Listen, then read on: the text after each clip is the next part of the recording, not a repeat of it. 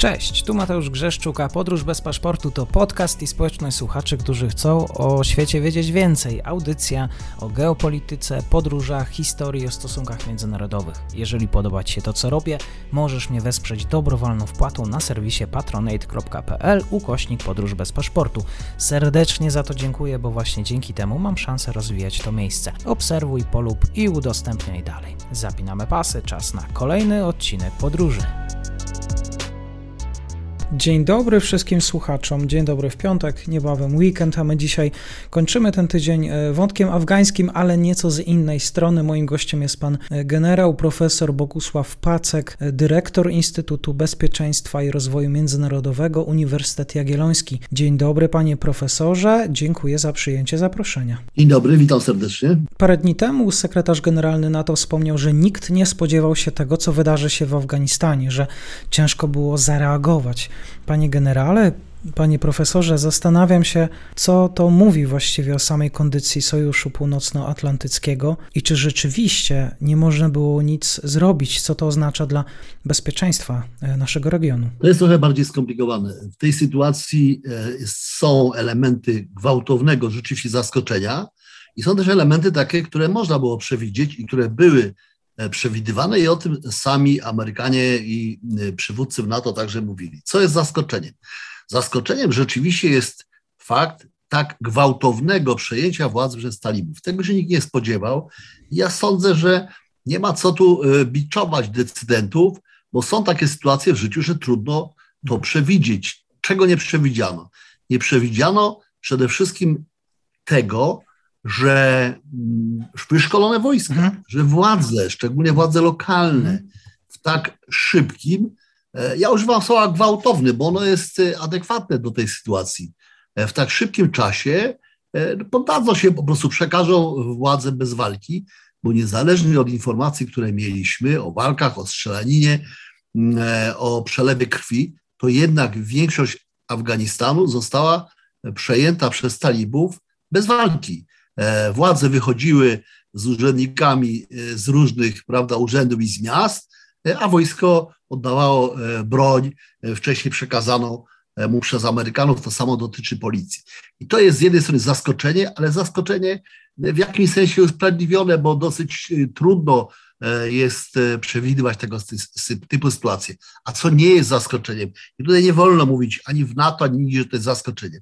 Nie było zaskoczeniem, to, że żołnierze wojsk afgańskich, że policjanci, że różni funkcjonariusze różnych służb, bo było ich około 100 tysięcy, łączne siły bezpieczeństwa to jest około 300 tysięcy, 180-200 tysięcy to armia i około 100 tysięcy, ponad 100 tysięcy to inne służby łącznie z policją. I tutaj nie było zaskoczenia, że to są e, często e, i żołnierze, i funkcjonariusze działający na dwa fronty, że jest mnóstwo dezercji, że jest bardzo duży poziom fluktuacji tych żołnierzy, którzy przychodzili, odchodzili, ponownie przychodzili, że oni uzależniali swoją służbę i często lojalność od pieniędzy, które otrzymywali.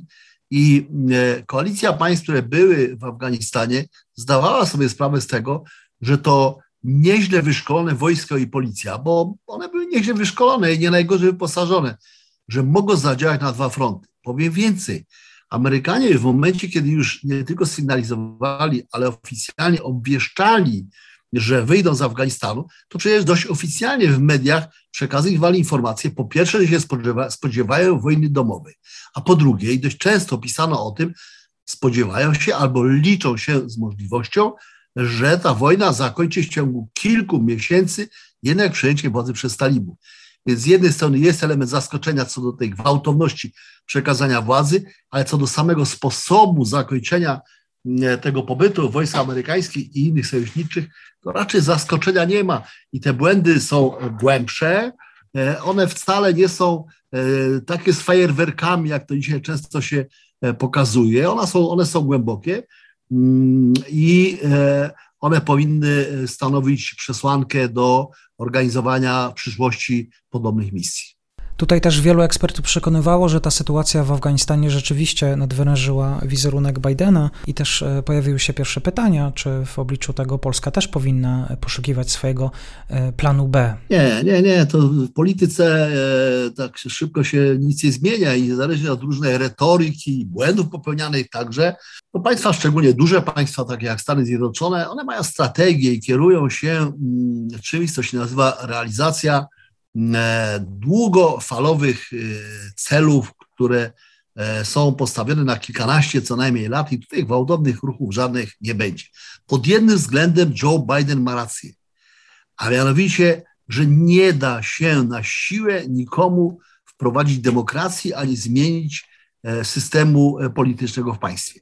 I ma rację, że jeżeli sami Afgańczycy, a niestety taka jest prawda o Afganistanie, nie zrobili albo zrobili za mało, żeby utrzymać władzę, no to trudno, żeby tą władzę za nich utrzymywali Amerykanie, Niemcy, Brytyjczycy czy Polacy. I tu ma rację. Tylko, że to jest połowa prawdy. Niestety druga połowa prawdy jest taka, że ta mądrość, którą Biden wygłasza, była znana znacznie wcześniej. Ja ostatni raz w Afganistanie prowadziłem e, badania naukowe poświęcone przebiegu, przebiegowi tej operacji i rozmawiałem prowadziłem wywiady eksperckie z wieloma ludźmi, z, e, z, gener z generałami amerykańskimi, przedstawicielami innych kontyngentów, innych państw, także z Afgańczykami, nawet z dwoma talibami, oczywiście ze wszystkimi e, możliwymi ludźmi, e, także z naszego kontyngentu, ale starałem się jak najgłębiej wejść w te elementy afgańskie. I już wtedy, 7 lat temu, a sądzę, że jeszcze wcześniej, można było e, podjąć e, taką decyzję, zdając sobie sprawę z tego, że ta operacja nie doprowadzi do ustabilizowania sytuacji w taki sposób, jak sobie to wyobrażali pewnie Amerykanie na początku. Tu jest pytanie o cel misji. Dzisiaj wszyscy prześcigują się prawda, w definiowaniu tego celu. No powiedzmy sobie jasno, że pierwszym celem tej misji to było zatrzymanie Bin Ladena ale Bin Laden został zatrzymany po kilku latach, co prawda nie w Afganistanie, w Pakistanie, ale jednak został zatrzymany. No to drugim celem tej operacji e, było wyplenienie jak gdyby Al-Kaidy. Ja już mam wątpliwości co do tego e, celu, czy akurat Afganistan był najważniejszym e, miejscem na świecie, żeby Al-Kaidą tam się zajmować. Był ważny, ale jest jeszcze innych parę państw, gdzie Al-Kaida nieźle sobie wcześniej poczyna, po, poczynała i nikt tam żadnych operacji nie organizował. Ale przypuśćmy, że okej, okay, to był ważny cel e, drugi. No więc dobrze, ale e, e, ta, ta Al-Kaida, o czym wiemy, już dawno, że tak powiem, nie stanowi zagrożenia w Afganistanie. W związku z powyższym, jeżeli jest jakieś pytanie ważne, które nie Bidenowi należy zadać, a jego poprzednikom, poprzednim prezydentom, to jest pytanie, dlaczego tak długo byliśmy w Afganistanie, skoro w moim przekonaniu zdawaliśmy sobie sprawę, mówię ogólnie mhm. zdawaliśmy, żeby nie, nie przerzucać całej odpowiedzialności na Amerykanów, ale tak naprawdę chodzi o nich, skoro Amerykanie musieli zdawać sobie sprawę z tego, że nie doprowadzą do stabilizacji. Widzieli, że uprawy narkotyków rosną, a nie maleją, że nie da się e, bagnetami i karabinami zmusić e, kogokolwiek do e, tego, żeby, żeby te, te narkotyki znikły. To jest bieda, bo narkotyki są głównym źródłem dochodu dla E, przeciętnego obywatela od samego dołu aż, aż po górę, mhm. po, po, po, po, tych, którzy czerpią korzyści. W związku z tym to jest problem. Natomiast czy to jest problem e, wstydu dla Bidena? No popełnił błąd. To jest prawda, że Biden, Joe Biden popełnił błąd, e, chcąc na siłę w rocznicę 11 września mieć już czysty Afganistan, mhm. bo samo przekazanie, no można było jednak zrobić inaczej. Też jest jeden problem, który nie jest przedmiotem debaty dzisiaj publicznej, a mianowicie same rozmowy w Doha rozmowy z talibami. Przecież talibowie przez wiele lat chcieli rozmawiać z Amerykanami. Znacznie wcześniej, to było co najmniej 10 lat temu. Amerykanie nie wyrażali zgody na rozmowy, gdyż talibowie nie godzili się, aby w tych rozmowach e, brali przedstawiciele e, mhm. rządu, legalnego rządu afgańskiego. To było jeszcze za czasów prezydenta Karzaja. Lata przeszły, w międzyczasie Amerykanie wyrazili zgodę jednak na rozmowy z talibami bez rządu e, bez rządu w Kabulu, bez prezydenta Ganiego, no i wyszło jak wyszło.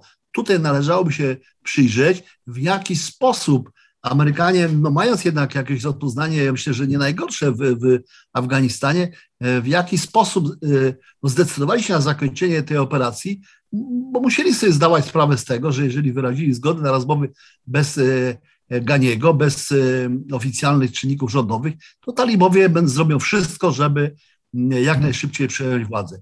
Siedem mhm. lat temu były wiceminister spraw zagranicznych rządu talibów w rozmowie ze mną, mam to zapisane w swojej książce na temat Afganistanu, powiedział, że przejęcie władzy przez talibów, jak już Amerykanie wyjdą, będzie szybsze niż to, które nastąpiło e, wcześniej przejęcie władzy po wyjściu Rosjan, e, po wyjściu Związku Radzieckiego.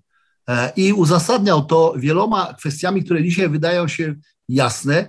Wydaje mi się, że nie tylko talibowie sobie zdawali sprawę z tego. Największy problem i największa porażka to jest e, to, że szkoleni i przygotowywani przez e, Amerykanów, przez e, wszystkie inne państwa, ludzie cywile, żołnierze, policjanci, służby bezpieczeństwa różne, że oni zawiedli, bo gdyby wszyscy wykorzystując swoje przygotowanie, wykorzystując sprzęt, który otrzymali, uzbrojenie, to ja jestem przekonany, że te 50 tysięcy talibów nie poradziłoby sobie nie tylko w ciągu kilku dni.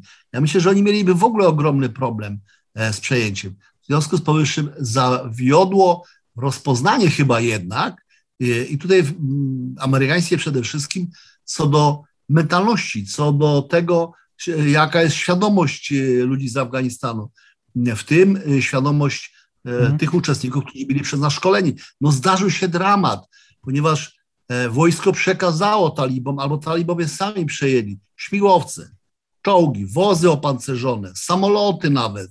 No to jest dramat, bo teraz się okazuje, że talibowie są lepiej uzbrojeni e, teraz niż e, w momencie, kiedy odchodzili od władzy, kiedy Amerykanie rozpoczęli swoje operacje.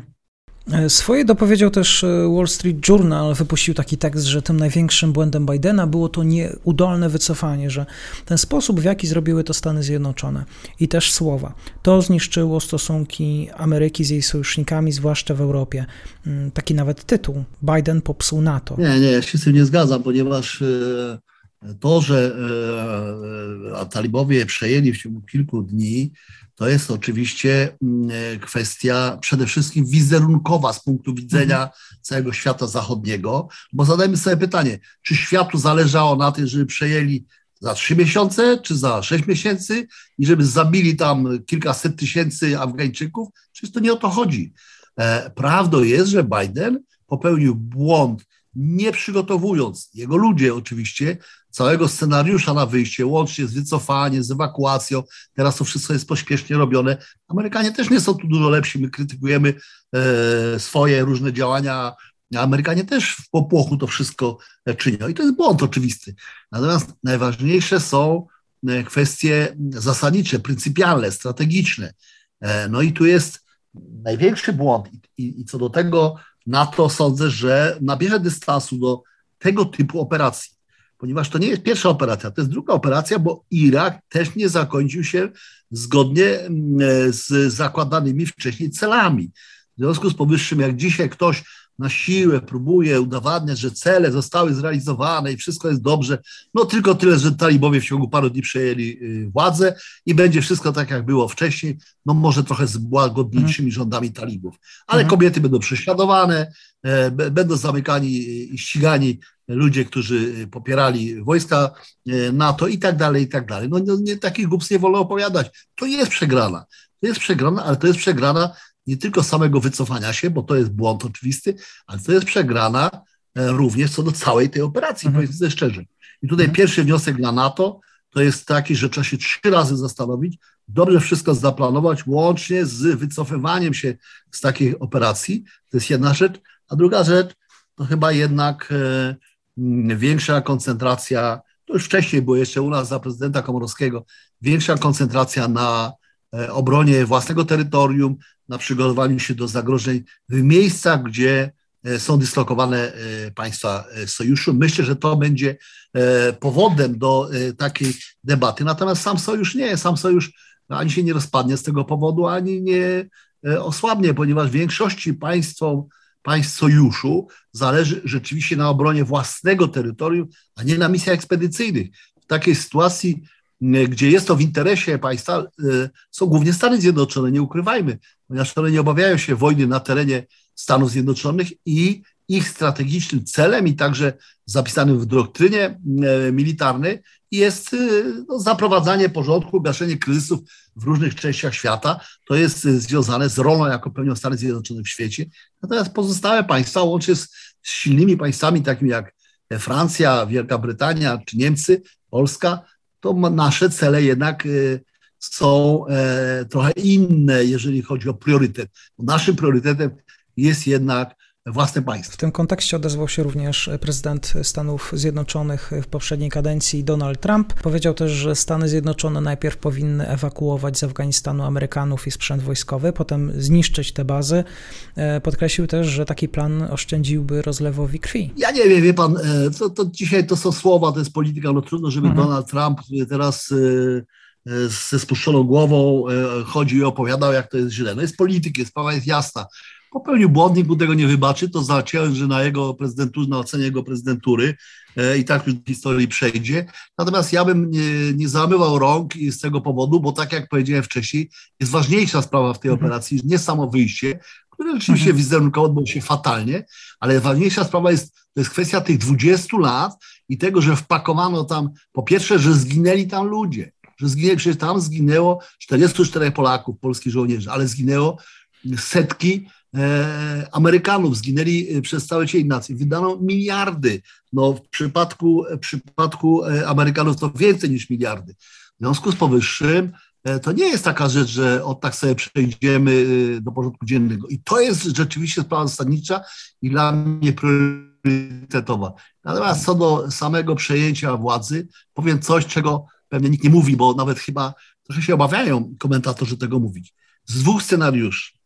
Jeden, że talibowie przejmują władzę po trzech, czterech miesiącach czy pół roku i zabijają w międzyczasie kilkaset tysięcy przeciwników, e, swoich przeciwników w Afganistanie, lub taki, że pokojowo przejmują władzę, to naprawdę należy się rozważać, e, co, co, co rekomendować Afganistanowi, bo najważniejsze jest to, na ile wojska, na ile policja, na ile władze były w stanie utrzymać państwo. Mhm. Jeżeli nie były w stanie utrzymać tego państwa, no to jest to duży znak zapytania, e, co było lepsze z punktu widzenia e, mhm. obywatela e, Afganistanu, Afgańczyka. Pamiętajmy, że większość społeczeństwa afgańskiego przeżywa kolejną wojnę, to już jest kilkadziesiąt lat wojny, ludzie tam są zmęczeni, jest wszystko jedno, kto strzela, najgorsze jest to, do kogo strzela, bo to do nich ciągle strzelają. I to nie ma znaczenia, czy to strzelają talibowie, do nich strzelają talibowie, do nich strzelają władze różne, prawda, bo, bo te, do nich czasami wojska nasze e, także w różnych potyczkach e, i, i, i różnych elementach działają. Do nich strzelali Rosjanie i oni w, ta, w takim, w takim e, wrażeniu, że tak powiem, o związku z powyższym każdy, kto im zapewni spokój, jeżeli talibowie dzisiaj zapewnią spokój, na długie lata, nawet przy obowiązywaniu szariatu, nawet przy obowiązywaniu tej dramatycznej roli, w jakiej się już znajdują kobiety, się znajdą kobiety, to ja sądzę, że, że jest taka możliwość, że ci talibowie mogą e, naprawdę mieć większe poparcie e, niż się spodziewamy wśród społeczeństwa afgańskiego. To jest jeszcze kwestia tego, w jaki sposób będą potrafili dzielić się ze społeczeństwem przychodami. No i przychód to jest to są narkotyki. One, one jeszcze bardziej będą, że tak powiem, w hmm. uprawie ich sprzedaży niż w tej chwili. No i tu jest kwestia, na ile poprawi się e, ten byt przeciętnemu e, człowiekowi e, z, z gór Afganistanu, bo tak, tak, tak przeważnie nam się Afganistan kojarzy. Serdecznie dziękuję za nasze spotkanie. 20 lat Amerykanów w Afganistanie, bezpieczeństwo regionu. O tym rozmawiałem z panem profesorem, generałem Bogusławem Packiem. Dziękuję serdecznie. Dziękuję bardzo.